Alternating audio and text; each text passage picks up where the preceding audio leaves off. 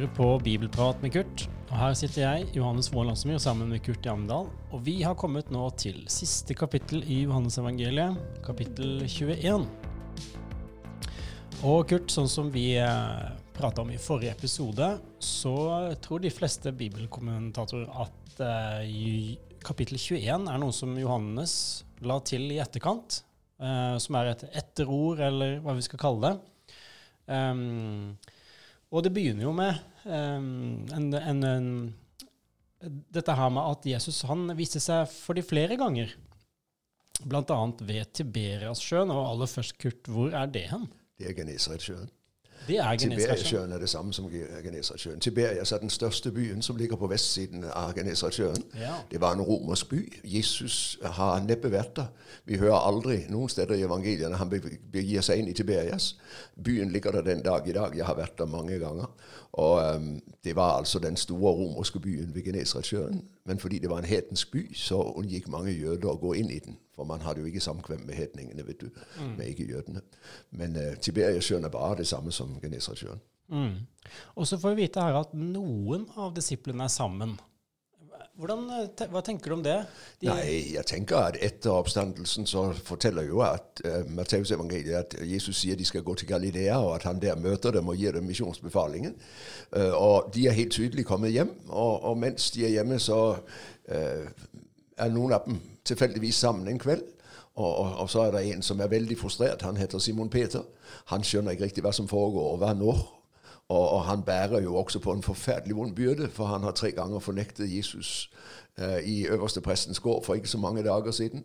Eh, så jeg aner at han er så frustrert at for å få liksom ut, alt dette ut av kroppen Han er en typisk handlingsmann. Han drar ut og fisker. For det, mm. det, er det han vet han kan, og da er han fri. Og da er han så opptatt at han slipper å tenke, og da kan han holde det hele litt på avstand. Så jeg vil tippe at noe av grunnen til hele denne beretningen ligger i at Simon Peter rett og slett må prøve å få avstand på det som har skjedd.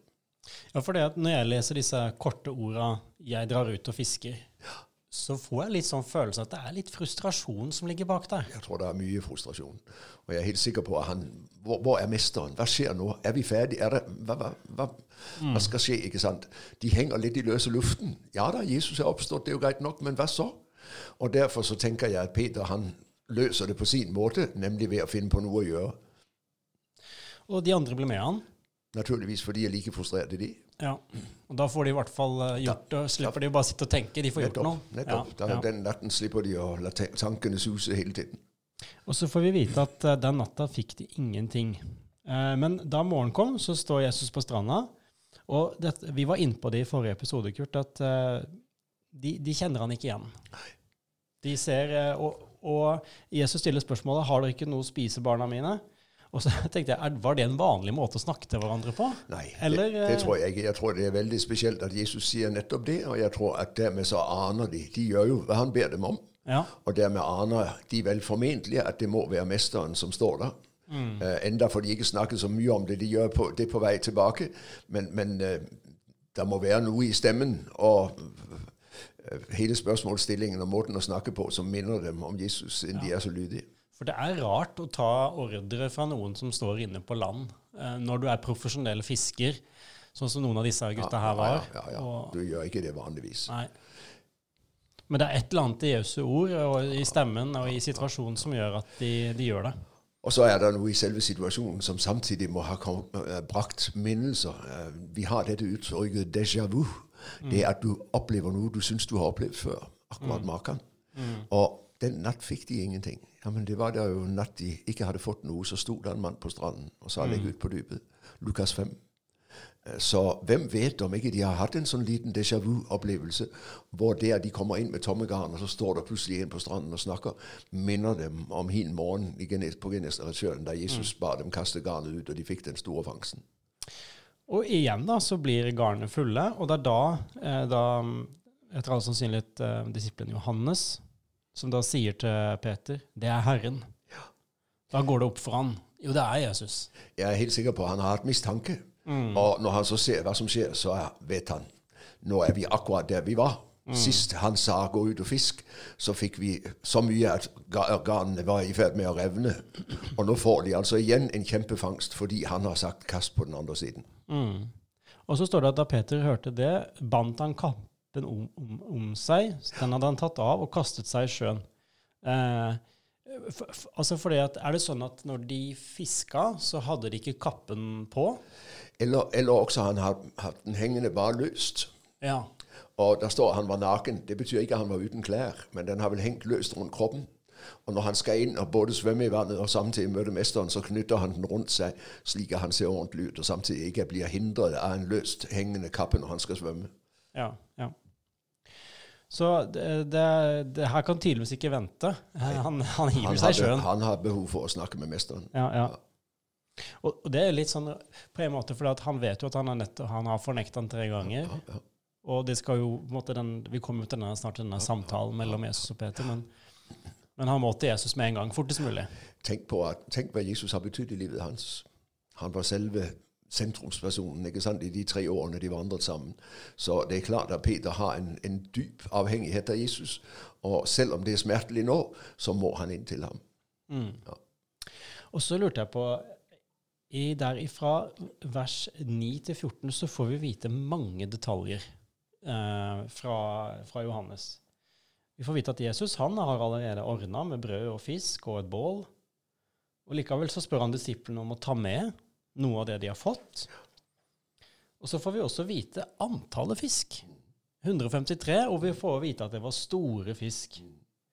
Um, og så får vi igjen vite at Jesus helt går bort til dem og gir dem litt brød og fisk til hver av dem.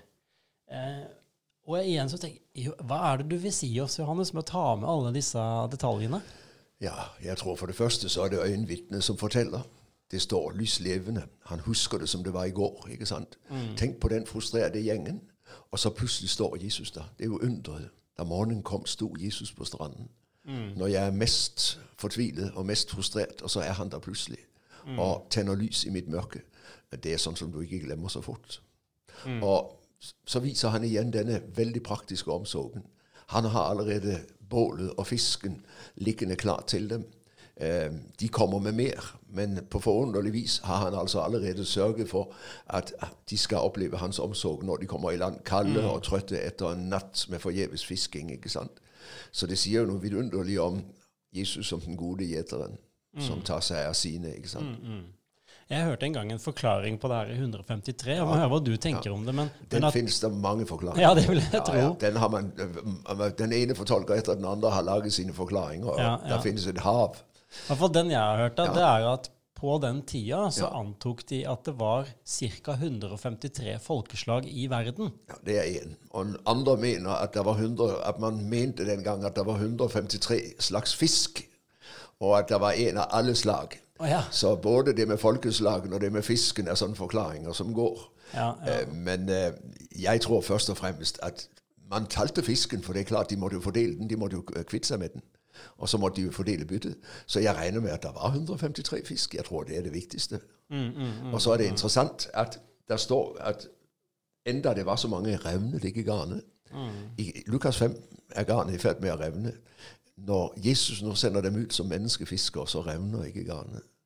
De skal få en stor fangst, og han skal sørge for at han tar vare på alle sine. ikke sant? Eh, Men altså, der finnes noen som med tallsymbolikk kommer til det ene og til det andre. Gamle kirkefader Augustin han kom til at hvis du legger sammen alle tallene fra 1 til 17, så blir tallet 153. Okay. Og da var 17 det viktige tallet, da, for det var liksom toppen av, av pyramiden. Og, og ut fra 17-tallet så tenkte han at de ti det var budene, og de syv det var den syvfoldige Guds ånd. Okay. Så, så her er Ja. mye fantasi. Og Ja, noen har knyttet det til um, Esekiel 47, elven fra tempelet, som løper ned i det døde havet og gjør det sunt, og der skal fiskerne stå ved en geddi. Og så har man fått en masse ut av tallene i Du vet, alle uh, tall i det hebraiske og greske alfabet hadde Eller alle bokstavene hadde Ja, en tallverdi. ja. Og ved å legge sammen tallene i en geddi osv., så, videre, så har man også funnet på mye spennende. Ja, så her ja. kan du holde på. Det finnes ganske mange løsninger på det der. Jeg tror ja, vi skal lese 153 som uttrykk for at det var en stor fangst. Ja, ja. Eh, og så eh, kommer vi til denne her eh, samtalen mellom, eh, mellom Peter og Jesus. Måltidet er ferdig. Eh, og jeg får i hvert fall litt sånn følelsen av at, at eh, Jesus gir sånn lite nikk til Peter. 'Kom, så går vi en tur på stranda'. Det står jo ikke det, men du får litt sånn følelsen av I første omgang så er det helt tydelig at samtalen foregår med de andre til stede. Ja, for da ser han på de andre. Hvis du ser fra vers 15, da de var ferdige med måltidet, sier Jesus til Simon Peter. Det er først uh, litt lenger ute at han i neste omgang går tur med Peter. Så, så i første omgang så sitter de der alle sammen. Og det som skal skje nå, må det være vitner på. For nå skal altså Peter gjeninnsettes i det kall som han egentlig hadde forspilt gjennom sin fornektelse. Ja, han så de tre sagt spørsmåla skjer der Ja, mellom ja. med de andre. Så jeg er jo ikke i tvil om at når Jesus spør tre ganger 'elsker du meg', så er det for at Peter skal få sjanse til noe positivt å bekjenne. Det som han i forgårs fornektet, ikke sant? altså for noen dager siden. Mm. Det her er spørsmålet. Elsker du meg mer enn disse? Ja. Altså, jeg har ikke tenkt over det, men en som gjorde meg oppmerksom på at det spørsmålet kan jo forstås på to måter. Ja, det kan det. Enten, altså, Jesus spør elsker du altså de som sitter rundt her, mer enn du elsker meg. Eller han kan mene elsker du meg mer enn de andre her elsker meg. Ja, det er tre, tre muligheter. Så enda For en. det, for, det, for, ja, ja, for det første, elsker du meg eh, mer enn disse gjør? Mm. Er din kjærlighet sterkere enn deres? Eh, elsker du dem like mye som meg? Mm. Ikke sant? Og elsker de like mye? Mm. Elsker du meg mer enn disse, eller elsker de meg like mye som du gjør? Så det er tre muligheter. Eh, Jeg er ikke i tvil om at det Jesus spør om her, det er har du en større kjærlighet til meg enn disse har til meg. Og grunnen den finner du, tror jeg, uten tvil i Matteus eh, 27. Eh, hvis du slår opp i eh, det kapitlet, så vil du se at Peter der, han sier La meg få lov å lese. Nei, Matteus 6, eh, 26, vers 33, så skal du høre hva det står. Der sier Peter. Peter tok til orde og sa, om så alle vender seg bort fra deg, kommer jeg aldri til å gjøre det. Ja. Prester, jeg elsker deg mer enn Ja. noen av de andre. De kan finne på å gå, men det kan ikke jeg. Nei, nei, nei. Og jeg aner at det er på en måte den konkrete bakgrunnen for at Jesus han spør som han gjør. Peter, du sa. Mente du det? For du har jo i mellomtiden opptrådt sånn at det er ikke noe som tyder på at du egentlig la vekt på det du sa den kvelden. Du har gjort akkurat det motsatte. Så jeg tenker at her får Peter sjansen til å bekrefte jeg mente det, mester, og så klarte jeg ikke å stå for det. Men jeg mener det er hele mitt hjerte. Det er deg jeg elsker. Det er deg som er den viktigste i livet mitt. Og så eh, tenkte jeg på det her, Kurt, at hvis du ser på både spørsmåla til Jesus og svara til Peter, så endrer de seg jo litt for hver gang. Eh, og det kunne jo omtrent vært en, en podkastepisode i seg sjøl, hvis man går systematisk gjennom disse her endringene. Men har du noe sånn umiddelbare Hva er på en måte prosessen i både svar og spørsmål her? Ja. For det første så tror jeg de tre spørsmålene er Peters mulighet til å opprette sin fornektelse. For det andre så merker jeg meg at alle de tre gangene hvor Jesus spør, så er det i og for seg det samme svar eh, Peter får. For hver gang så blir han igjen innsatt som apostel. Eh, Første gang så sier han 'vær gjeter for sauene mine'. Eh, Nei, eh, første gang sier han 'fø lammene mine'. Andre gang 'vær gjeter for sauene mine'. Og tredje gang 'fø sauene mine'. Så alle tre gangene handler det om hyrden, om gjeteren. Peter var falt ut av sitt gjeterkall gjennom sin fornektelse. Nå gjeninnsettes han. Herren har tilgitt, og derfor får han nå et nytt kall som bekrefter det første han fikk. Hva skal han gjøre? Han skal ta seg av lammene og sauene. Altså av menigheten, ikke sant. Og om han skal fø lammene eller fø, sauene, så opplever jeg det er samme sak. Det er Jesus som bruker litt forskjellige ord. Men det er ikke tale om noe annet enn det samme. Og hver gjeter for sauene mine, hva er det? Ja, men det er jo å fø lammene og, sau, og fø uh, sauene. Så jeg tror Jesus varierer språkbruken, men det er akkurat det samme han sier i hvert av disse tre svarene. Du skal være apostel Peter, sånn som du var kalt til. Gå tilbake og tre inn igjen i embetet ditt. Og så syns jeg det er stilig at Jesus sier, eller avslutter med det her 'følg meg'. Ja. Fordi at han gjeninnsetter han som gjeter, som du sier. Ja. Og så sier han 'følg meg'. Altså han, men du er fortsatt en sau. Nettopp. Husk det. Og, og, og der er vi tilbake igjen i Lukas 5, hvor Jesus lar dem få den store fiskefangsten, og hvor han så sier til Peter, når Peter sier 'gå fra meg', da sier Jesus 'følg meg, så vil jeg gjøre deg til menneskefisker'. Så dette er helt tydelig en gjeninnsettelse, en fornyelse av et kall, som Peter på en måte hadde forspilt, men som Jesus står ved. Han er ikke forkastet. Herren vil fortsatt bruke ham. Så det er jo et vidunderlig uttrykk for både nåden og kjærligheten fra Jesus side. Og samtidig syns jeg det er så nydelig med det tredje svaret. Når Peter tredje gang er, blir spurt om det samme, så brister det for ham. Han vet jo så godt hva han har gjort. Han kjenner fortvilelsen over seg selv. Herre, du vet alt, og du vet at midt i min feighet, midt i mitt, svikt, mitt svik, midt i min fornektelse, det er deg jeg elsker. Jeg har ingen andre å gå til. Mm, mm. Så for meg er det en veldig sterk Kristusbekjennelse på Peters vegne, men nettopp i lys av at han på en måte er gått i stykker på seg selv. Mm. Det har vært utrolig ydmykende, men nettopp dermed er han nå dugelig til å være både gjeter og sau. Mm. For han har sett inn i seg selv på en ny måte. Så tenkte jeg på hva kan vi lære av denne her samtalen mellom Peter og Johannes, og hva kan vi Du har jo vært inne på det, og hva, hva kan vi si om kristen, kallet til kristent lederskap ut ifra denne samtalen? Ja, jeg er jo bekymret for om Peter var blitt ansatt etter fornektelsen i en kirkelig sammenheng. Mm. Eh, men det sier meg jo noe om en nåde som er grenseløs, mm. og som åpner nye dører også for den som mislyktes totalt. Og jeg har jo lyst til å si til den som sitter og lytter på denne podkasten og vet at han egentlig har forspilt sine sjanser Det forunderlige med Jesus er jo at han er alltid parat til å begynne på nytt. Mm. Også om du vendte ham ryggen og gikk bort fra ham. Han står og venter på deg og vil sette deg inn i kallet og tjenesten på ny. Så det er jo et vidunderlig ord til alle oss som har sviktet så mange ganger. Herren er ikke ferdig med oss. Han mm. begynner om igjen, om igjen, om igjen og vi skal få lov å overlate oss og vite han kan bruke oss. Og så tror jeg eh, Det er jo veldig interessant.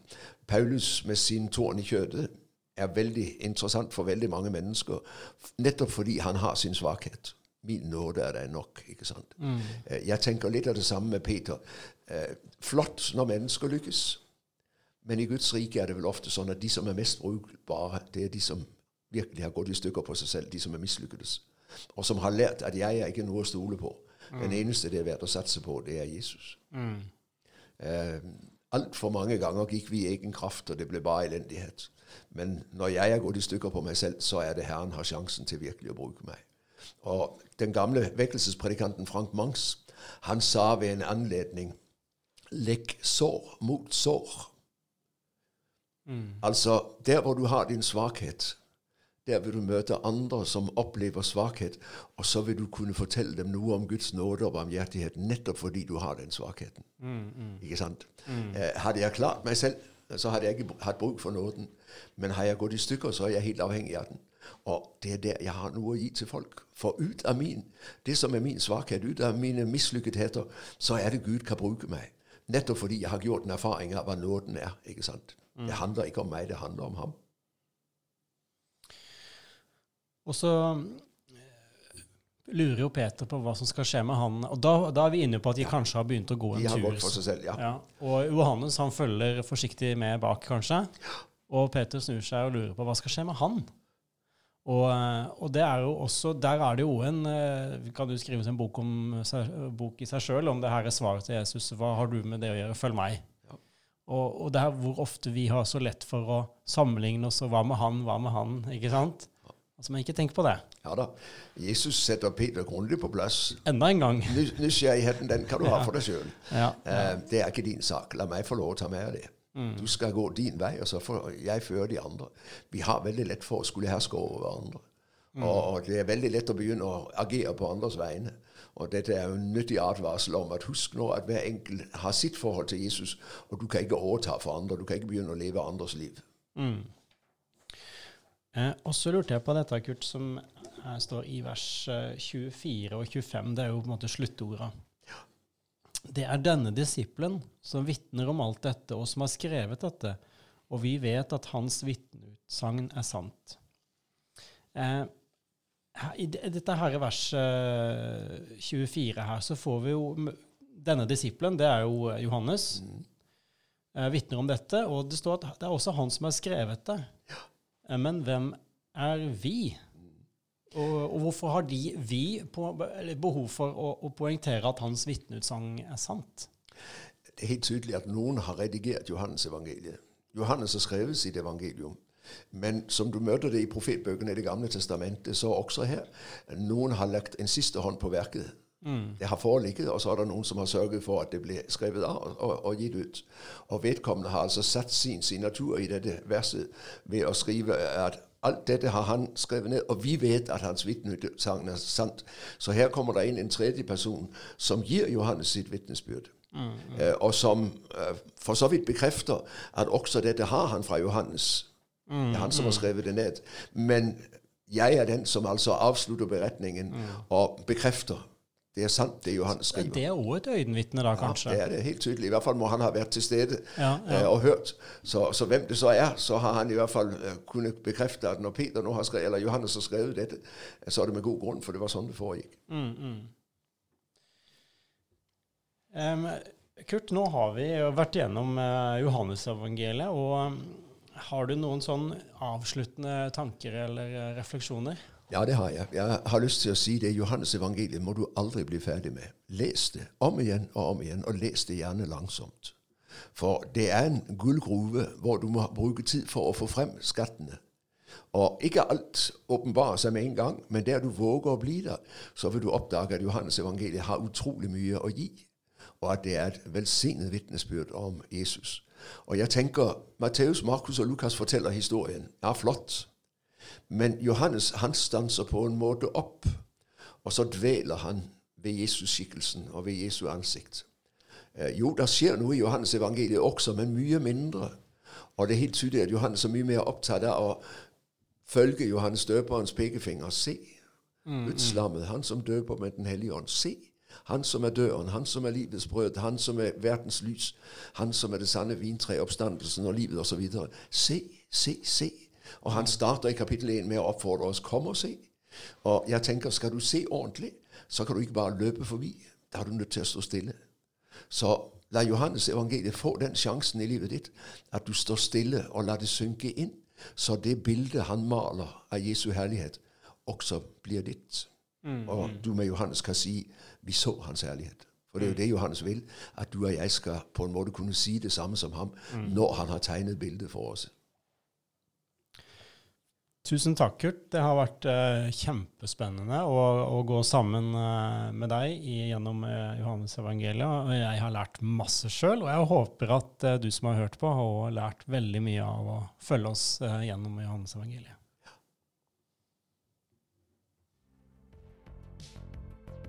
Hvis du syns denne podkasten var spennende og lærerik, må du gjerne fortelle om den til andre, sånn at flere òg kan få glede av den.